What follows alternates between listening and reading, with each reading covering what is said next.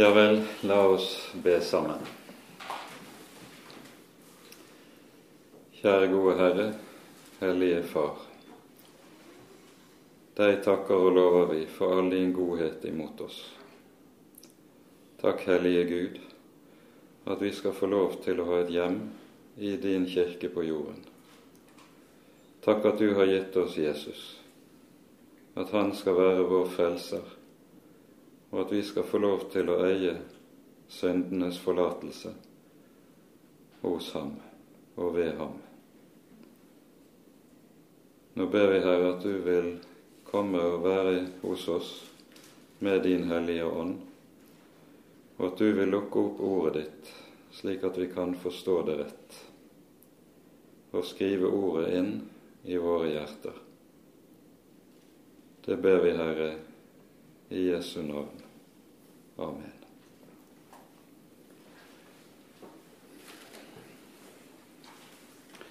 Sist gang eh, var vi sammen om første delen av kapittel 8, der vi hører om Philips eh, misjonsvirksomhet i Samaria, som eh, eh er foranlediget av den forfølgelse som bryter ut i Jerusalem, og som gjør at en stor del av menigheten i Jerusalem adspres. Det er mange som flykter fra byen for å komme unna den trengsel og forfølgelse som menigheten opplever i denne tiden.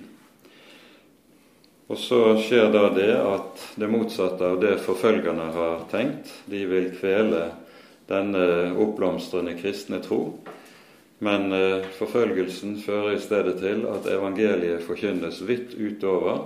Det sprer seg langt fortere, og stadig flere kommer til tro. Vi hører mer om frukten av denne forfølgelsen lenger ute i apostlenes gjerninger, kapittel 11. Men eh, det åttende kapittel er særlig viet Philip, som jo var en av diakonene som ble vigslet de ble valgt eh, av menigheten, som vi hørte i kapittel 6, og innviet til tjenesten sin under apostlenes håndspåleggelse. Syv, syv i tallet, og de var alle gresktalende, disse diakonene. Philip er den som vi også møter igjen nå i slutten, andre halvdelen av kapittel 8, når vi hører om den etiopiske hoffmann. Og eh, det som kjennetegner, eh, som man kan på en måte sette som overskrift over kapittel 8, det er det at her hører vi om hvorledes mennesker som var utelukket fra Guds folk, fra den jødiske menighet, de er for likevel nå den nåde å bli opptatt i den kristne menighet og bli fullverdige lemmer i menigheten. Samaritanene var utelukket, og det samme gjelder denne mannen som vi hører om her, den etiopiske hoffmann. Men la oss nå lese dette avsnittet. Det begynner med vers 26. En Herrens engel talte til Philip og sa:" Bryt opp og dra mot sør, på den veien som går ned fra Jerusalem til Gaza. Denne veien er øde. Philip brøt opp og dro av sted.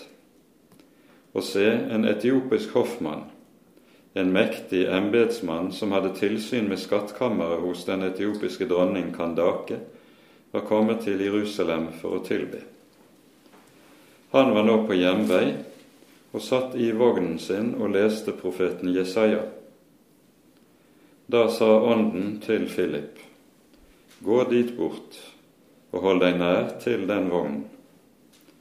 Philip løp da bort til og hørte at han leste profeten Jesaja og sa, Skjønner du det du leser? Han svarte, Hvordan skulle jeg vel kunne det når ingen rettleder meg? Og han ba Philip stige opp og sette seg med ham i vognen. Men det avsnittet i Skriften som han leste, var dette. Som et får ble han ført bort for å slaktes, og lik et lam som er stumt for den som klipper det, slik åpner han ikke sin munn. I hans fornedrelse ble dommen over ham tatt bort. Hvem kan fortelle om hans ett, for hans liv blir tatt bort fra jorden? Hoffmannen sa da til Philip, Jeg ber deg, si meg, hvem er det profeten sier dette om? Er det om seg selv eller om en annen? Da tok Philip til orde, og idet han gikk ut fra dette skriftstedet, forkynte han evangeliet om Jesus for ham. Mens de nå kjørte frem langs veien, kom de til et sted hvor det var vann og hoffmannen sa, Se, her er det vann. Hva er til hinder for at jeg blir døpt? Philip sa, Tror du av hele ditt hjerte, så kan det skje. Men han svarte og sa, Jeg tror at Jesus Kristus er Guds sønn. Så bød han å stanse vognen, og de steg begge ned i vannet, både Philip og hoffmannen, og han døpte han. Men da de steg opp av vannet, rykket Herrens ånd Philip bort, og hoffmannen så ham ikke lenger, for han dro sin vei med glede. Men Philip ble funnet i Ashtod. Han dro gjennom alle byene og forkynte evangeliet helt til han kom til Cesarea.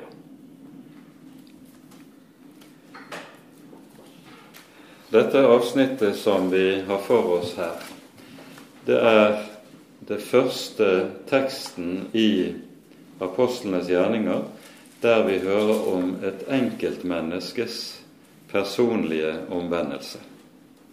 Tidligere har vi hørt om hvorledes en stor gruppe i Jerusalem vender om. Eh, likeledes gjelder det Samaria, men her møter vi et enkeltmenneske og dets egen, denne, enkelte, denne enkeltes omvendelse. Senere, nå i apostlenes gjerninger, hører vi to slike beretninger til. I kapittel 9 Paulus' omvendelse og kapittel 10 Kornelius. Og Det som vi her møter, det er en fortelling som har flere særegenheter ved seg som det er vel verd å legge merke til. Philip har antagelig, etter at apostlene hadde vært i Samaria Vi hører jo at det var etter at samaritanene var døpt, så kom apostlene ned til Samaria og ba for dem, slik at Den hellige ånd ble formidlet til dem. Så har de da rimeligvis vendt tilbake til Jerusalem og Philip sammen med dem. Og så er det at Philip en tid senere, vi vet ikke hvor lenge senere, av en Herrens engel for befaling går ned på den veien som går ned mot Gaza. Den går mot syd, og som vi her hører det, det er en relativt lite trafikkert veistrekning. Og det som jo kan være underlig å legge merke til, det er at Philip får overhodet ikke noe begrunnelse for denne Herrens befaling. Herren sier ikke hvorfor han skal gå, hva hensikten er, hvilken oppgave der Herren har tiltenkt ham her nede på veien. Han sier bare for bare vite du skal gå dit ned. Og så får han skritt for skritt bli ført inn i hva det er Herren har tenkt å bruke ham til ved denne anledning. Så er det at han da får se en etiopisk hoffmann, som vi hører. Det er en mektig embetsmann, og han eh, sitter i en vogn. Og dette, Det at han, denne mannen kommer i vogn, det er noe som i seg selv på nytestamentlig tid sier at her har vi med en mektig mann å gjøre. Vanlige folk de måtte gå til fots. De hadde kanskje, hvis de var heldige, og hadde litt grann å rutte med et esel som kunne hjelpe seg, men vanlige folk gikk til fots. De som red på hester, det var stort sett soldater og offiserer, mens eh, den som kunne ride, ha en vogn, det var en meget enten mektig eller velstående mann. Ordet som i vår tekst er oversatt med 'hoffmann', det er det greske ordet som eh, bokstavelig betyr evnukk. Han er altså en mann som er kastrert, og det var vanlig at høye embetsmenn ved hoffene i både i Midtøsten og for en del i Afrika også, var kastrert. Først og fremst gjaldt det de som eh, var vakter i eh, kongenes harem. De skulle være kastrert. Men det er også mulig at det i denne sammenheng hadde sin betydning at høye embetsmenn ved dette hoffet var kastrert, i og med at det var dronninger som regjerte her.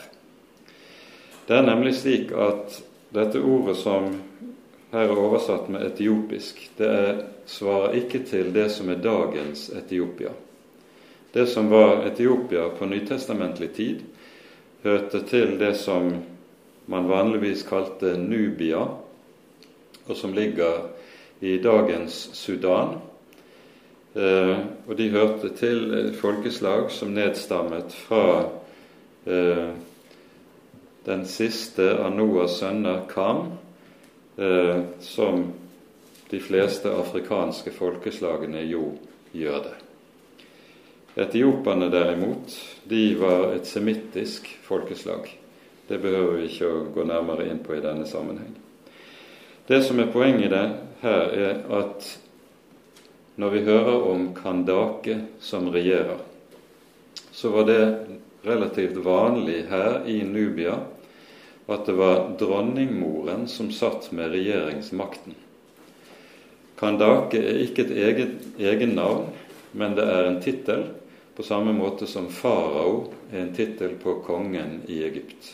Så var Kandake eh, tittelen på enkedronningen som regjerte, og det var vanlig at det var disse kvinnene, dronningmødrene, som hadde regjeringsmakten i denne perioden i Nubia. Og Da hadde det ganske stor betydning at de fremste embetsmennene var nettopp evnukker, for at det ikke skulle kunne være tvil om arvefølgen. Det var den slags hensyn som lå bakom i dette.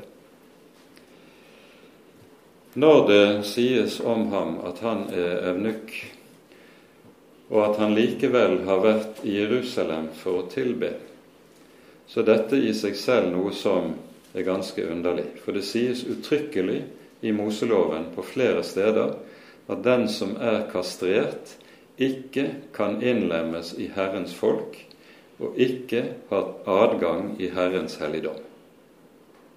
5. Mosebok 23 står det uttrykkelig forbud mot dette, slik at når han har vært i Jerusalem for å tilbe, så betyr nok dette at han er en som deler Israels tro, men som likevel pga. disse fysiske forhold ikke kan tas opp som fullt medlem i Guds folk. Men så er det et stort men. I Jesaja-boken, i kapittel 56, altså et par kapitler etter det avsnittet som vi her hører han sitter og leser i sin vogn, der profeteres det uttrykkelig at den dagen kommer da også de som er eunukker, de som er kastrert, skal kunne innlemmes i Guds folk og ha del i nåden på linje med Guds folk for øvrig. Vi kan godt lese disse versene fra Jesaja 56.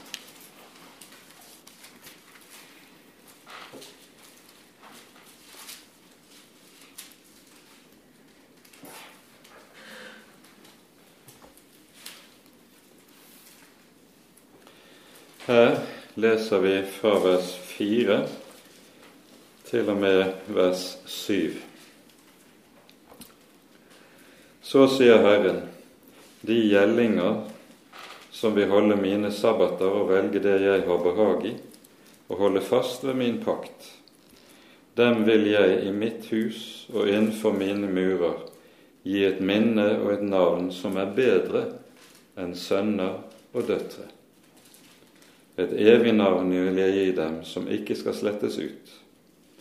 Og de fremmede som holder seg til Herren for å tjene ham, og for å elske Herrens navn, og for å være Hans tjenere.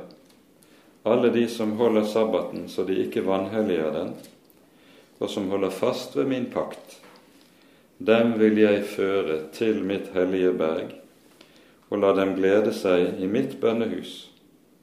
Deres brennoffer og slaktoffer skal være til behag på mitt alter, for mitt hus skal kalles et bønnens hus for alle folk. Og det er ikke urimelig å tenke at det nettopp er denne profetien hos Jesaja som ligger like som i bakgrunnen for denne teksten som vi her hører, i det det jo er slik at det sies også i tillegg til det vi allerede har nevnt fra Mosebøkene. Det er ikke bare slike som er kastrert, som var utelukket fra Herrens menighet. Spedalske var utelukket. Blinde var utelukket. Lamme var utelukket. De hadde ikke adgang inn i helligdommen og dermed til å delta i folkets gudstjenesteliv. Derfor er, og dette hører med som en del av eh, det som er betydningsfullt når Peter i det tredje kapittelet i apostlenes gjerninger helbreder en lam. Det er en som har vært utelukket fra menighetens fellesskap, og som nå også dermed innelukkes. Og Det samme er nå det som skjer med denne mannen. Han døpes, han tas opp i Guds folk, og så er det løftet som vi hører eh, fra Jesaja 56 Jeg vil glede dem i mitt hus. Det oppfylles på denne mann, og det er vel dette det tenkes på når det står om ham i slutten av kapittelet. Han dro videre med stor glede. I alle fall Han er da i tillegg til at han da er en hoffmann, så har han tilsyn med skattkammeret. Det betyr at han har vært finansminister i dronningens kabinett, så han er ingen ubetydelig skikkelse. Det betyr også at han nok er en meget holden mann, for det er ikke hvem som helst som kunne være i besittelse av en skriftrull i datiden. Skriftruller de ble jo skrevet for hånd og var derfor meget kostbare. Privatpersoner eide derfor normalt ikke selv skriftruller som de kunne lese i. Skriftruller som eh, ble anvendt, de var noe som var samfunnets felleseie, f.eks. i synagogene, men folk hadde ikke bibler hjemme. Var, De måtte til Guds hus, til synagogen, for å høre Skriften opplest. Av den grunn Dette er jo noe også det som er bakteppet for at det å lære bibeltekster utenat ble så viktig som det var i samtiden. Fordi folk flest hadde ikke tilgang til selv å kunne lese dette. Han her har altså skriftrull. Han er en rik mann om han har fått lest for seg på hebraisk fra skriftrullen at en slave som sitter med ham i vognen og leser for ham, eller om han leser selv. Om skriftrullen er i gresk oversettelse, det vet vi ikke. Men den, det sitatet fra Jesaja 53 som vi hører, det er sitert etter teksten i den greske oversettelsen av det gamle testamentet, den som vi kaller for Septuaginta. Og et av versene her skiller seg en del fra vers 8 i Jesaja 53. Det er Septuaginta-oversettelsen er ofte meget fri i forhold til den hebraiske teksten, uten at vi behøver å gå inn på det i detalj. Ånden sier altså til Philip, gå bort, hold deg nær til vognen, og så hører han det leses. Og det var helt alminnelig i datiden at når man leste, ikke minst når man leste Hellig Skrift, så leste man høyt. Man leste ikke sånn som vi vanligvis gjør, inni seg. Og antagelig kan det ha sammenheng med det at det som var den vanlige måten å skrive tekst på i datiden, var at tekstene var skrevet uten mellomrom mellom ordene. Sånn at teksten gikk helt fortløpende, og da var det en hjelp for den som leste, at han faktisk da leste høyt. Prøv selv eh, å ta et par setninger og ta bort ordmellomrommene, og så le hvordan det vil være å lese det. Det, vil, det er litt utfordrende. Og eh, det er antagelig noe av det som kanskje ligger bakom her. I alle fall han hører, Philip hører at det leses fra Jesaja 53. Og dette er da tydelig ingen ukjent tekst for Philip. For det er noe vi ser i Det nye testamentet, at Jesaja 53 fikk meget tidlig en helt sentral betydning i de første kristnes forståelse av hva det er som skjer i forbindelse med Jesu død. Det er jo Skriften som gir nøkkelen til å forstå Jesu død, nødvendigheten av Jesu død, forstå hva som er meningen med og innholdet med Jesu død. Og Her kom ja, altså Jesaja 53 til å være uhyre sentral. Og Derfor ser vi også at det siteres fra dette 53. kapittelet i Jesaja-boken i en rekke ulike sammenhenger i Det nye testamentet. Peters brev, Romerbrevet, evangeliene finner vi ikke direkt, vi finner et par unnskyld, direkte sitater eh, fra Jesaja 53, men ikke i Jesu munn. Der er det mer hentydninger som vi møter. Og her i apostlenes gjerninger så har det allerede i, tidligere i kapittel 3 og kapittel 4 vært henvist hele fire ganger til disse avsnittene i Jesaja-boken som vi dermed kommer i kontakt med. Vi skal se nærmere på det etter hvert. Men Philip springer da bort til, hører at det leses, og stiller det klassiske spørsmålet Skjønner du det du leser? skjønner du det du leser. Og Dette er jo det stadige problem for nye bibellesere. Det er så meget som de står overfor, som de har vanskelig for å gripe. Og så kommer også det klassiske svaret hvordan skulle jeg vel kunne det når ingen rettleder meg? Vi trenger slike som kan være rettledere og hjelpe oss til å forstå Guds ord, til å trenge inn i Guds ord og forstå det rett. Det er det Jesus selv jo gjør når han på veien til Emmaus samtaler med disse to disiplene som går ut fra Jerusalem påskemorgen og så samtaler han med dem om Skriftene. Han lukker opp Skriftene på dem, og så forstår de. Og det er det som er noe av hovedoppgaven til de som er satt til å være lærere i Guds rike. De skal hjelpe mennesker nettopp til dette, å se og forstå hva som er innholdet i Skriftene. Så derfor blir altså Philip umiddelbart invitert opp i vognen. Og så hører vi skriftavsnittet leses. Og eh, hoffmannen spør hvem er det profeten sier dette om?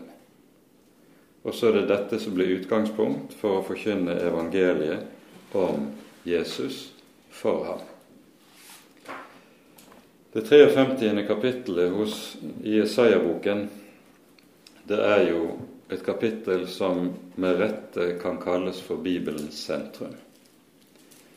Her hører vi både Messias død forutsagt og beskrevet, og hva som er meningen med denne død. Det er en stedfortredende død, en stedfortredende lidelse på vegne eller for folkets synder. Det sies uttrykkelig, og det anvendes til og med eh, begreper fra offerterminologien i Moseloven, i det betegnelsen skyldoffer anvendes om ham som her lider døden. Så hele offertenkningen i Mosebøkene ligger til grunn for å forstå Jesaja 53 rett. Nå er det sånn at hvis du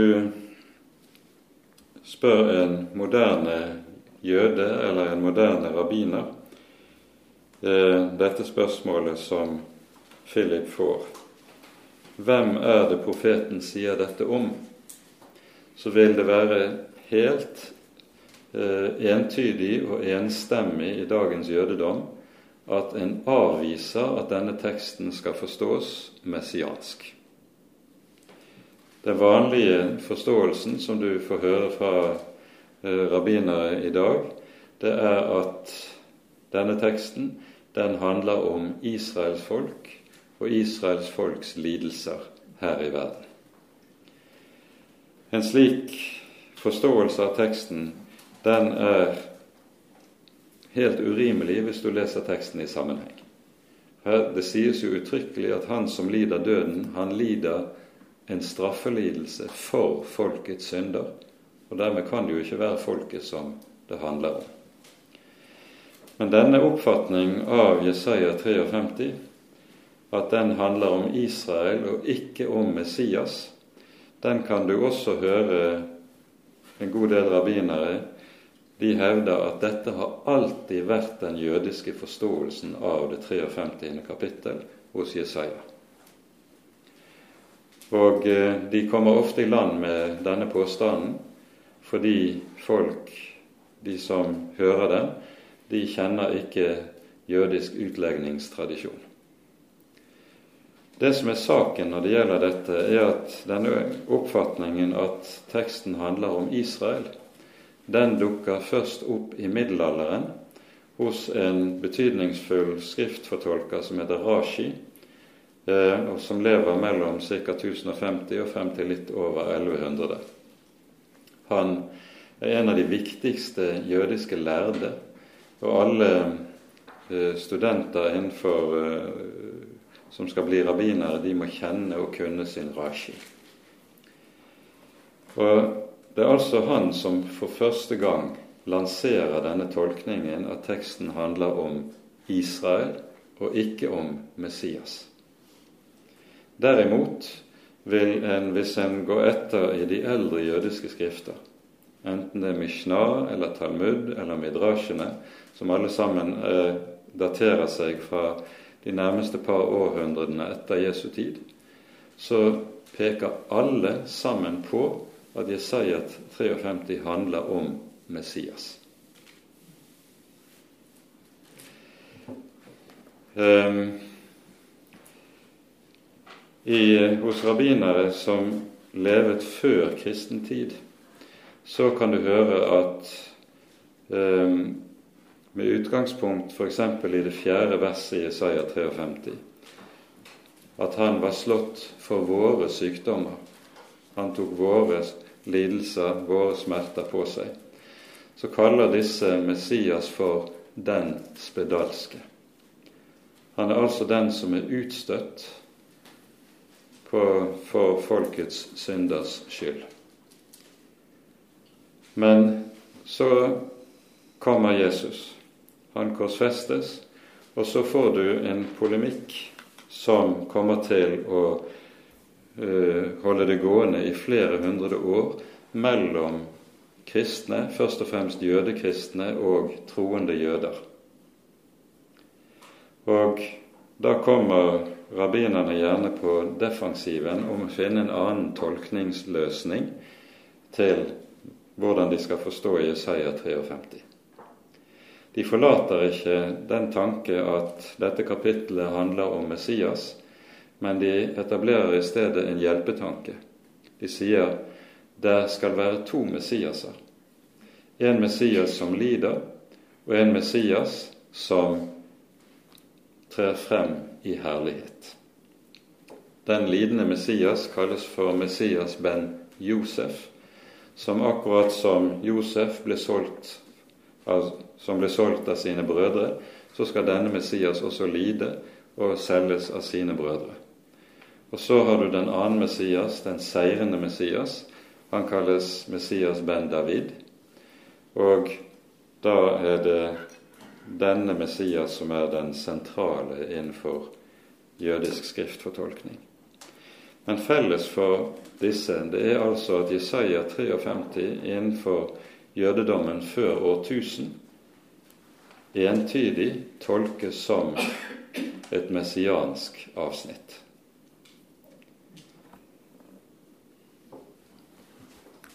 Philip bruker altså dette skriftsted, Jesaja 53, som utgangspunkt for å forkynne evangeliet om Jesus. Litt forut for eh, teksten i Jesaja 53 hører vi i det 52. kapittel at det sies hvor fagre er på fjellene deres føtter som forkynner godt budskap, som forkynner fred, som kunngjør for Sion din Gud er blitt konge. Og det ordet som der er oversatt med å forkynne godt budskap, basar, det er et ord som i den, greske, den gamle greske oversettelsen eh, oversettes med ordet evangelitsai, nemlig å forkynne evangeliet. Og det er sånn at teksten her eh, om den etiopiske hoffmann er gjennomvevet av eh, mer eller mindre skjulte hentydninger til denne delen av Jesaja-boken som vi her er inne i. Dette at Philip nå forkynner evangeliet for ham, det fører til tro. Det er tydelig at Gud har gjort et forberedende arbeid i denne mannens hjerte, så når han først får høre evangeliet, så springer troen frem umiddelbart i hans hjerte. Og så kommer spørsmålet eh, hva er til hinder for at jeg kan bli døpt? De kommer eh, til en plass der det er vann. Det er antagelig på vårparten, så det fortsatt er litt vann i noen av bekkene i området. Um, og Så er det Philip stiller spørsmålet, og vi skal legge nøye merke til ordlyden her. Philip stiller spørsmålet Tror du av hele ditt hjerte? Hva svarer Hoffmann på det? Han sier ikke 'ja, jeg tror av hele mitt hjerte'. Men han svarer 'jeg tror at Jesus Kristus er Guds sønn'. Når spørsmålet lyder 'Tror du av hele ditt hjerte?', så stilles det et spørsmål som kan, er meget vanskelig å svare sant på. Hvis du sier ja, nemlig, så står vi overfor det problemet at våre hjerter ofte er så halve og så delte. Og Derfor å svare et uforbeholdent ja på et slikt spørsmål, det vil ha en bismak med seg. Jeg er vel egentlig ikke helt sannferdig. For det hele hjertet, det udelte hjertet, det har vi ikke her i verden. Og Derfor er Hoffmann sitt svar veldig viktig å merke seg. Han sier ikke 'ja, jeg tror av hele mitt hjerte', men han sier 'jeg tror. Han taler altså om det som er troens innhold. Han taler ikke om troens kvalitet. Og det er det som er saken. Han taler om troens innhold, og troens innhold er nettopp dette bekjennelsen av Jesus som Guds sønn. Det var jo det som også var innholdet i Peters bekjennelse når Jesus spør dere, hvem sier dere at jeg er? Du er Messias, den levende Guds sønn. Det er denne bekjennelsen til Jesus som Guds sønn som er kjennetegnene på den kristne tro. Og så, Hvis vi da holder sammen det som vi nå har hørt, så er det altså slik at på den ene siden så har Philip forkynt evangeliet om Jesus. Den lidende, den korsfestede frelser. Og så bekjenner hoffmannen samtidig 'Jeg tror at han er Guds sønn'.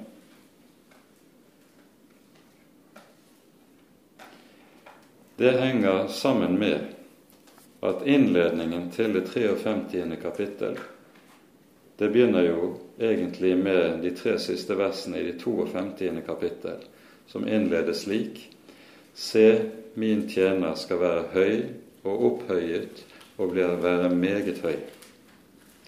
De tre adjektivene eller predikatene som der brukes om ham, det er predikater som utelukkende kan anvendes om Gud når de står i en slik sammenstilling.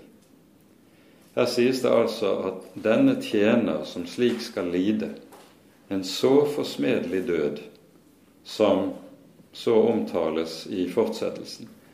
Denne tjener omtales med guddommelige predikater. Og det er det Philips forkynnelse av evangeliet tydeligvis har dreiet seg om. Den forkynnelse som har inneholdt budskapet om Jesu død, hva denne død betyr, at denne død er oppfyllelse av Skriftene, og en forkynnelse som sier noe avgjørende om hvem han er som lider døden på korset. Han er Guds sønn. Det er altså en forkynnelse som må ha vært meget eh, tydelig innholdsmessig mettet. Og Det er også klart at Jesus til denne grunnleggende evangelieforkynnelse må ha talt om dåpen. For hvorledes skulle hoffmannen ellers vite noe om at til det å høre Jesus til, hører det å bli døpt? Så alt dette har altså hørt med til den evangelieforkynnelse som Philip har holdt frem for hoffmannen. Så vi forstår av det som skjer, en god del av hva som har kjennetegnet innholdet i Philips forkynnelse, selv om vi får høre svært lite om det direkte.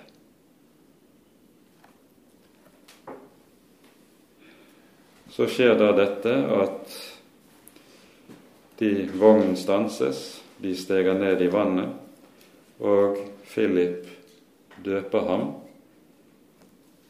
på denne troen på at Jesus, Messias, er Guds sønn.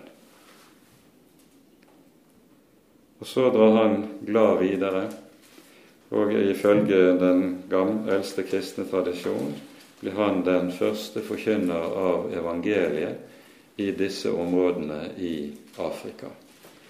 Det er først senere på 400-tallet at disse områdene i Afrika blir kristne, og, det, og at du kan kalle dette kristent land. Det har nok antagelig vært relativt få som kom til tro ved hans forkynnelse slik ut fra det lille man kan vite rent kirkehistorisk. Men han er den første evangelist i Afrika, denne hoffmannen.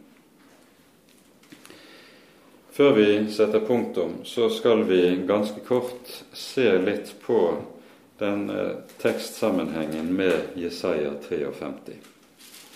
Den er uhyre betydningsfull i det det er slik at i Jesaja-boken så møter vi fire såkalte tjenersanger som taler om den kommende Messias, hans gjerning og hans lidelse. Den første begynner i Jesaja-bokens 42. kapittel, eh, som innledes med følgende ord Se, min tjener, jeg legger min ånd på ham. Og han kalles altså min. Herren kaller denne for min tjener.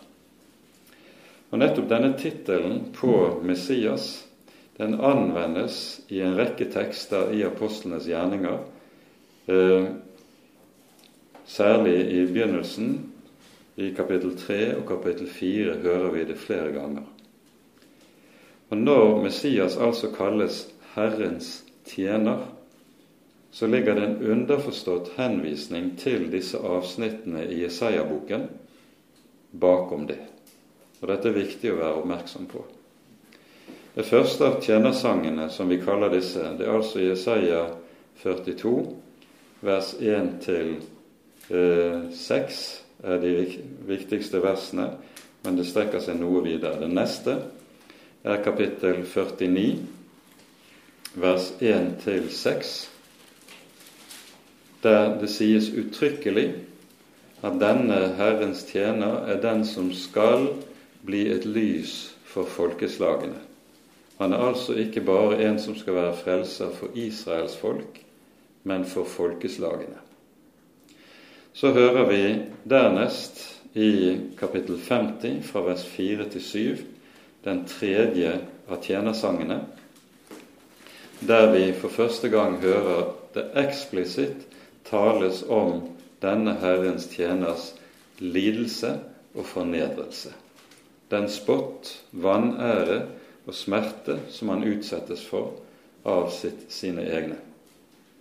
Og så kommer hovedavsnittet fra kapittel 52 og 53. Det begynner med det 13. verset i kapittel 52 og går så helt ut det 53. kapittel. Alle disse fire tjenersangene er umåtelig betydningsfulle som tolkningsnøkkel til den eldste kristne forståelsen av hvem Jesus er, hva hans lidelse betyr, og hva som er kjernen i evangeliet. I tillegg til disse fire tekstene bør vi også føye til det 61. kapittel i Isaiah-boken, eh, der som Jesus siterer fra som en slags programtale i synagogen i Nasaret. Vi hører det i Lukasevangeliets fjerde kapittel. Her leser Jesus fra Jesaja-bokens 61. kapittel, eh, der Herrens tjener taler selv i første person og sier 'Herrens ånd er over meg fordi Herren har salvet meg til' og forkynne et godt budskap for fattige, for fanger at de skal få frihet, osv.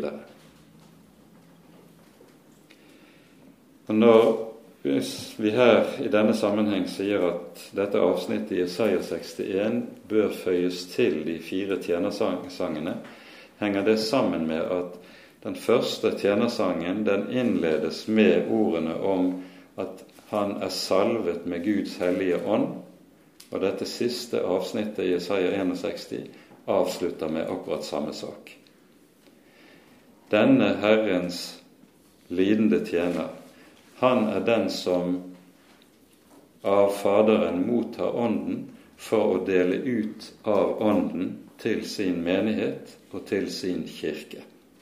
Noe som også sies uttrykkelig i det 59. kapittel i Jesaja-boken, som kan være viktig å merke seg i denne sammenheng. Vi leser fra vers 20 og 21 i Jesaja 59. Her står følgende Det skal komme en gjenløser for Sion og for dem som omvender seg fra overtredelse i Jakob, sier Herren. Og dette er den pakten jeg gjør med dem, sier Herren min ånd som er over deg, altså over Messias, og mine ord som jeg har lagt i din munn, de skal ikke vike fra din munn, eller fra dine barns munn, eller fra dine barnebarns munn, sier Herren, fra nå av og til evig tid. Her er det altså et løfte om at Herrens ord og Herrens ånd skal være hos hans barn, Messias barn, altså hans folk, til evig tid. Og så følger teksten om hvilken herlighet som kommer med Messias i det 60. kapittel, og så hans person i kapittel 61. Herrens ånd er over meg. Og Det er dette Peter også viser til i sin store tale på pinsedagen, når han sier, taler om Jesu oppstandelse og himmelfart. Så sier Peter etter at han nå er opphøyet til Faderens høyre hånd og av sin far har fått Den hellige ånd, så har han utgitt dette som dere nå ser for deres øyne i dag. Altså, Jesus mottar Ånden av Faderen og utgyter Ånden over sitt folk. Og så er Den kristne kirke født. Det er disse tekstene som vi her finner i denne delen av Jesaja-boken, som ligger bak svært mye av det vi hører i apostlenes gjerninger. Og Ofte er det på den måten at det bare skjer ved hjelp av små hint som du må være ganske fortrolig med bibeltekstene for å oppdage og legge merke til. Men det er uhyre avgjørende eh, å være oppmerksom på dette, for det gir eh, en meningsfylde til disse avsnittene i Jesaja-boken som er helt avgjørende å være klar over. Så er altså beretningen om den etiopiske hoffmann en beretning som både så å si leder inn i denne grunnleggende avhengighet som Det nye testamentet står i til Det gamle testamentet, samtidig som det også er en tekst som viser hvorledes evangeliet åpner opp, åpner opp for de som var utestengt. Dette var jo noe av det som var hovedinnholdet i Jesu virke. Han var tolleres og synderes venn disse som fariseerne mente overhodet ikke hadde tilgang til Guds rike, men som var underkastet Guds dom og straff. Jesus åpner Guds rike for dem. Og nettopp dette at de utstøtte og de utelukkede lukkes inn i Guds rike.